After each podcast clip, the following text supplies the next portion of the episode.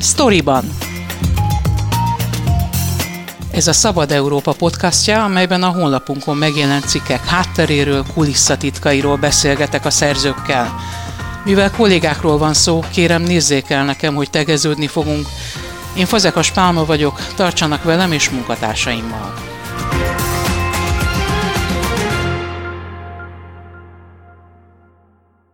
Hogyan hálózta be a magyar űrágazat legtöbb területét egy kormányközeli üzleti kör, és ki profitálhat a magyar űrstratégiából, vagy a 100 millió dolláros Hunor űrhajós programból? Egyebek között ezt elemezte három részes cikk sorozatában Keller Alánt Ákos, a Storyban vendége. Miért eh, gondoltad, hogy foglalkozni kell azzal, hogy eh, Magyarország újra űrhajóst indít a világűrbe? Miért fontos ez? Hát az érdeklődésemet valójában az keltette föl, hogy próbáltam utána nézni, hogy ugye van már űrkutatásért felelős miniszteri biztosa is Magyarországnak, és igazából, hogy mi történik ebben az ágazatban Magyarországon, erről nem lehet tudni semmit, csak azt, amit a kormány kommunikál, és kíváncsi lettem, úgyhogy utána néztem. Mert hogy ez egy provokatív kérdés volt, igazából nem is az a jelen, legjelentősebb eleme, ez a három részes cikk sorozatodból majd kiderül, hogy űr, újra űr, lesz magyar űrhajós a világűrben vélhetően, és részt vesz ilyen közös nemzetközi programokban, hanem az, hogy ez egy hatalmas üzleti lehetőség, és erre most ráfordult a magyar kormány is, most már új űrstratégiánk is van. Miért pont most fordult rá erre a kormány? Hát ez, ez az iparági robbanás előtt áll, már a műholdak nagyon meghatározóak már ma is, kommunikáció, navigáció, földmegfigyelés területén, és egyre nagyobb a magáncégek szerepe ezen a területen, és bizonyos területeken már nélkülözhetetlen, akár legyen szó banki műveletek ellenőrzéséről, mindenki telefonjában ott van a GPS, navigáció, de nyilván hajók navigációja szempontjából, vagy a mezőgazdaság, időjárás, számtalan olyan terület van, ahol ma már annyira támaszkodunk rá, hogy alapvető infrastruktúrának számít, és minél több ilyen terület van, ahol műholdakra támaszkodunk, annál nagyobb jelentősége van annak, hogy melyik országnak milyen képességei vannak, milyen saját eszközei vannak az űrben, tehát ez egy nagyon komoly szuverenitási nemzetbiztonsági kérdésé vált, válik, és a következő években még inkább az lesz. És van persze ennek egy üzleti oldala is, ami szintén ma ilyen fölfoghatatlan mennyiségű pénzről van szó, világszerte az iparágban. Három részben dolgoztat fel ezt a témát, Minde, mindegyik rész önálló területtel foglalkozik. Kérlek beszélj arról, hogy miért így tematizáltad ezt. Igen, és még az első részben hogy elmagyarázom ezt az egész uh, robbanás előtt álló űriparnak a jelentőségét, ami ami nagyon fontos, és ugye az előbb már utaltunk rá. A következő két részben meg bemutatom azt, hogy mit történt Magyarországon ebben az ágazatban azóta, amióta a kormány erre odafigyel, és bizonyos emberek meglátták ebben az üzleti lehetőséget, és mivel közel állnak a kormányhoz, ezért kaptak is ilyen lehetőségeket. űrkutatásért felelős miniszteri biztosunk is van, ugye Ferenc Orsolya személyében. Sokszor visszatérő téma itt a, a podcastjaink során is, hogy elég nehéz eh, kormányzati forrásból információkat szerezni, vagy egyáltalán kommunikálni bármilyen témában a kormányzata. Ferenc Orsolyával viszont sikerült, és nagyon sok mindent elmondott. Miről beszéltetek elsősorban, mi az ő feladata, és melyek azok a fontosabb célok, amiket megjelölt itt az űrfejlesztés, az űrprogram során? Hát egyrészt nagyon készséges volt, tehát nem kell győzködni arról, hogy nyilatkozzon. Hát tulajdonképpen az ő feladata, hogy megvalósuljanak az űrstratégiában lefektetett célok. Ilyen űrstratégiája minden országnak van, ez fontos. Ahogy beszéltem szakértőkkel, ők jónak ítélték ezt az űrstratégiát. Kik állították ezt össze? Hát teljes iparágat bevonták, igyekeztek minél több szereplőt elérni, több területről, hogy tényleg egy olyan űrstratégiája legyen az országnak, ami hasznos, ami megvalósítható elsősorban. És Mennyi idő alatt készült el? Ez ugye 21-ben fogadták el, ezzel mi késésben vagyunk, vagy nem számít az idő? Hát nyilván számít az idő, és hát ez több évig készült. Ferenc Orsolya elődjének egy sikertelen próbálkozása, ami állítólag szakmailag sem volt jó, meg ő sem volt annyira szakmailag fölkészült. Erre most azt mondják, hogy jó, és hogyha ezt végigviszik szakmai alapon, akkor az egy jó dolog lehet az országnak. A másik fontos szereplő, akiről beszélnünk kell, akiről írsz, bár korábban megszólalt a Szabad Európának egy selfie-ben, de most uh, nem sikerült uh, interjút kapni tőle, viszont írsz róla és idézel tőle több gondolatot. Az egy nagyon fiatal jogász, űrjogász és üzletember is, Sárhegyi István. Igen ki ő, mutasd be kérlek, és miért beszélnek úgy szakmai körökben róla, mint aki megkerülhetetlen szereplője a magyar űrkutatás fejlesztésnek, űrstratégia fejlesztésnek.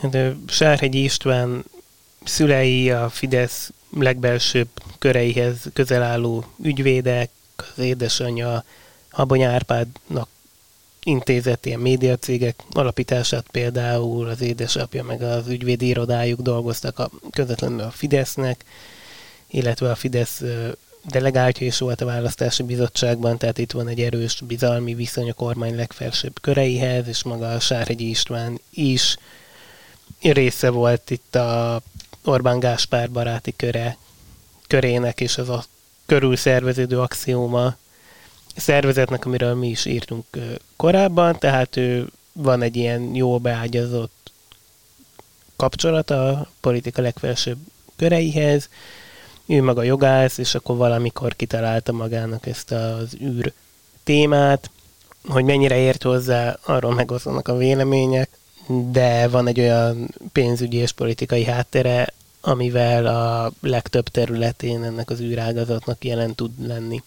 De hát azt mondtad, hogy mennyire ért hozzá, arról megosztanak a vélemények. Egyébként mennyire lehet ehhez érteni? Tehát mennyire kialakult ez? Hiszen ő maga is azt mondja, hogy tulajdonképpen még nagyon sok szabályozás hiányzik, ugye ez egy most fejlődő, ahogy te is mondod a cikkedben, írod a cikkedben, egy új űrkorszak kezdődik világszerte, más szintre helyeződik az űr meghódítása, ahogy fogy ki a föld az ásványkincsekből, például ez csak egy szegmens ennek, úgy térképezi fel, hogy hogyan lehet majd a világűrből különböző itt is hasznosítható ásványkincseket kiaknázni. Tehát, hogy, hogy mennyire alakítja ő majd például a hazai joggal, űrjoggal kapcsolatos dolgokat alakíthatja, és mennyire érthet hozzá, mennyire szabályozott már ez a terület. Hát az nyilvánvaló, hogy ez egy alulszabályozott terület, mert most alakul ki. Az, hogy ő mennyire tud erre ráhatni, amikor itt olyan nagyhatalmak majd alakítják várhatóan majd a szabályozást, mint Kína, Egyesült Államok, Oroszország, még mindig erős ebben a szegmensben, India, Brazília, hát vannak kétségeim. Magyarország az Európai űrügynökségen keresztül kapcsolódhat csak be ezekbe a programokba? Lényegében igen, legnagyobb esélye. Igen, az Európai űrügynökségnek vannak olyan pályázati lehetőségei, amik lökést adhatnak egy-egy eszköznek, cégnek. Az, hogy mennyire fontos lett ez az elmúlt években, és hogy mennyire felgyorsult eh, ezen a területen a, a fejlődés, a helyezkedés, az is mutatja, hogy a költségvetésből mekkora összegeket szán rá például az Ormák kormány. Hogyan változott ez például az űrprogram elfogadása előtti időszakhoz képest most a költségvetésben mennyit próbálunk erre kiszakítani? Hát egyre többet. Most a tavalyi számokat nem találtam meg, mert ez így el van rejtve több helyen, de az Európai űrügynökségbe fizetünk olyan 20 millió eurót évente körülbelül, ez az egyik legnagyobb tétel, ami erre megy, illetve a másik nagy tétel, ez a Magyar űrhajós program, ami közel 100 millió dollárba kerül, meg létrejött egy tőke alap, az állami Exim Banktól, ez 20 milliárd forintos tőke alap, önálló részben foglalkozol azzal, hogy ennek az iparágnak kik lehetnek a legnagyobb nyertesei itthon, és itt is egy megkerülhetetlen név Jászai Gellérté. Hát ezért azt fontos elmondani, hogy sok űripari cég van Magyarországon, akiknek vannak kisebb-nagyobb fejlesztéseik, és körülbelül négy-öt olyan van, aki komolyan vehető nagy cég, és a piacon is el tud boldogulni a saját fejlesztéseinek köszönhetően és akkor ebbe a piacba lép be tulajdonképpen a 4IG ahol Sárhegyi István is dolgozik, és ugye ennek a forágyinak a tulajdonosa Jászai Gellért. Nekem a forrásaim azt mondták többen is, hogy a Ferenc Orsolyának fentről megmondták, hogy velük kell együtt dolgozni, és ő ennek annyira nem örült, de hogy ugye nem tud mit csinálni, Ferenc Orsoly ezt cáfolta, de Ferenc Orsolyáról ugye a, a két legfontosabb dolog, amit tudni kell, hogy jó szakembernek tartják, ennek már az édesapja is egy elismert tudós volt, ebben a témában neki is ez a szakmája. Másik oldalról meg egy elkötelezett ö, Fidesz politikus, aki politikailag nagyon hű a kormányhoz, és ugye most bekerül a parlamentbe is. Hát a forágyiról egyébként azt még mindenképp szeretném, az egy fontos ö, dolog, hogy ugye a, nekik a legnagyobb üzletük most a műhold megvásárlás, ez a Kárpátia Szat nevű cégen keresztül. Van ez a Magyarországnak van egy geostacionárius pályán lévő helye.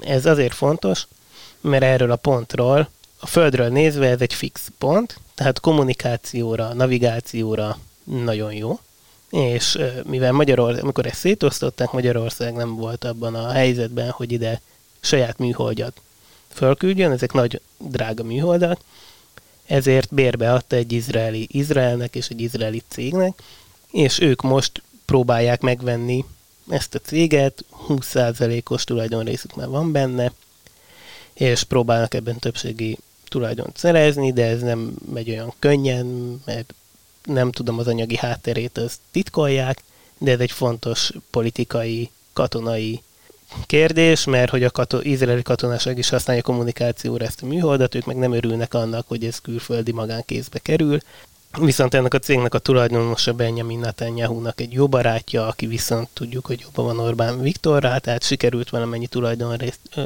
szerezni ebben, de ez a Kárpátia szat ilyen kommunikációs nemzetbiztonsági szempontból egy nagyon fontos dolog, és ezt ebben próbál most többségi tulajdont szerezni a Furágyi. Az, hogy Magyarország új űrkorszakban megpróbál hangsúlyosabban részt venni. Ez szerintem mit jel, szerinted mit jelentett az Európai űrügynökségen belül résztvevő tagállamokhoz képest? Tehát mi az a maximum, amit el tudunk mi itt érni, mondjuk, hogyha olyan uniós országokat nézünk, mint Németország, Franciaország, nyilván ők is azért hangsúlyosan jelen vannak itt.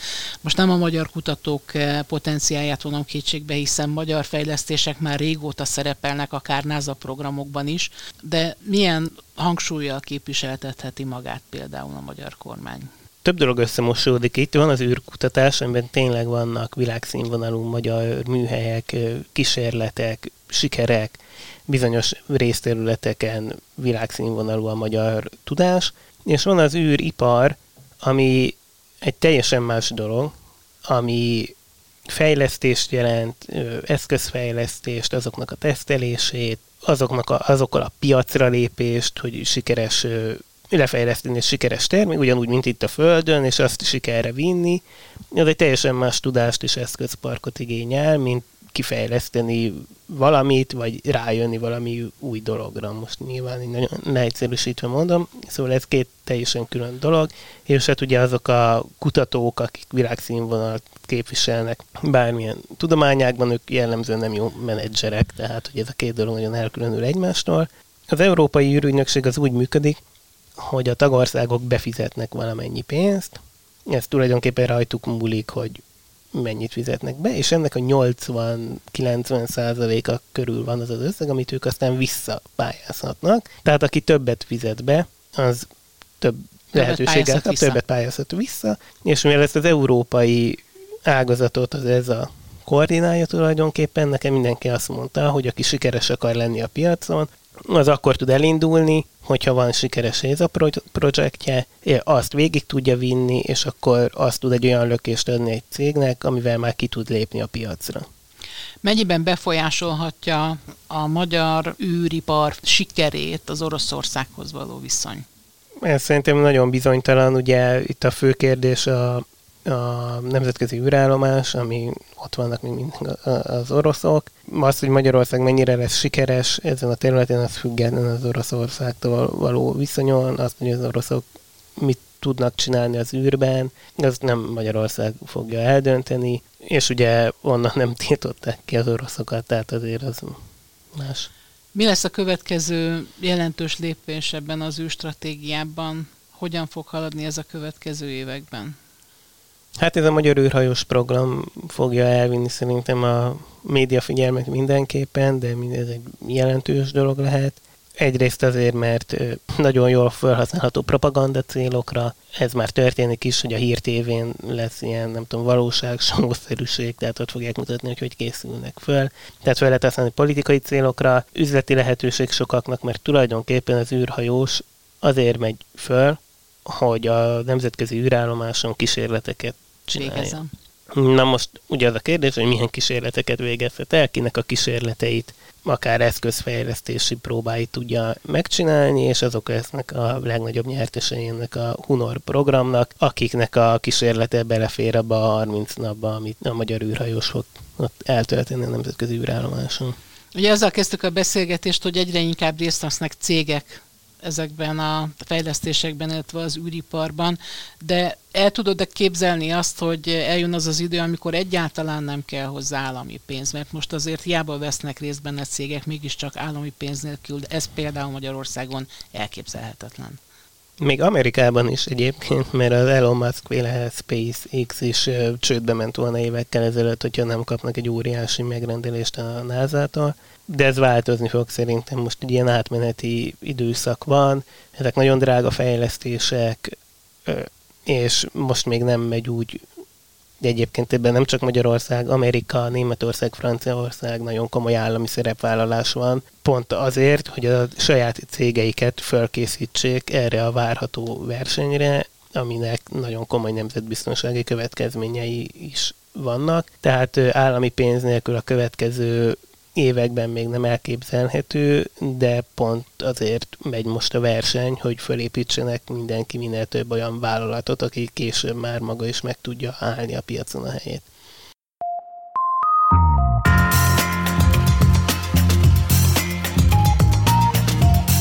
Ez volt a Storyban, a Szabad Európa podcastja, a honlapunkon megjelent cikkek hátteréről, kulisszatitkairól, én Fazekas Pálma vagyok, köszönöm figyelmüket munkatársaim nevében is.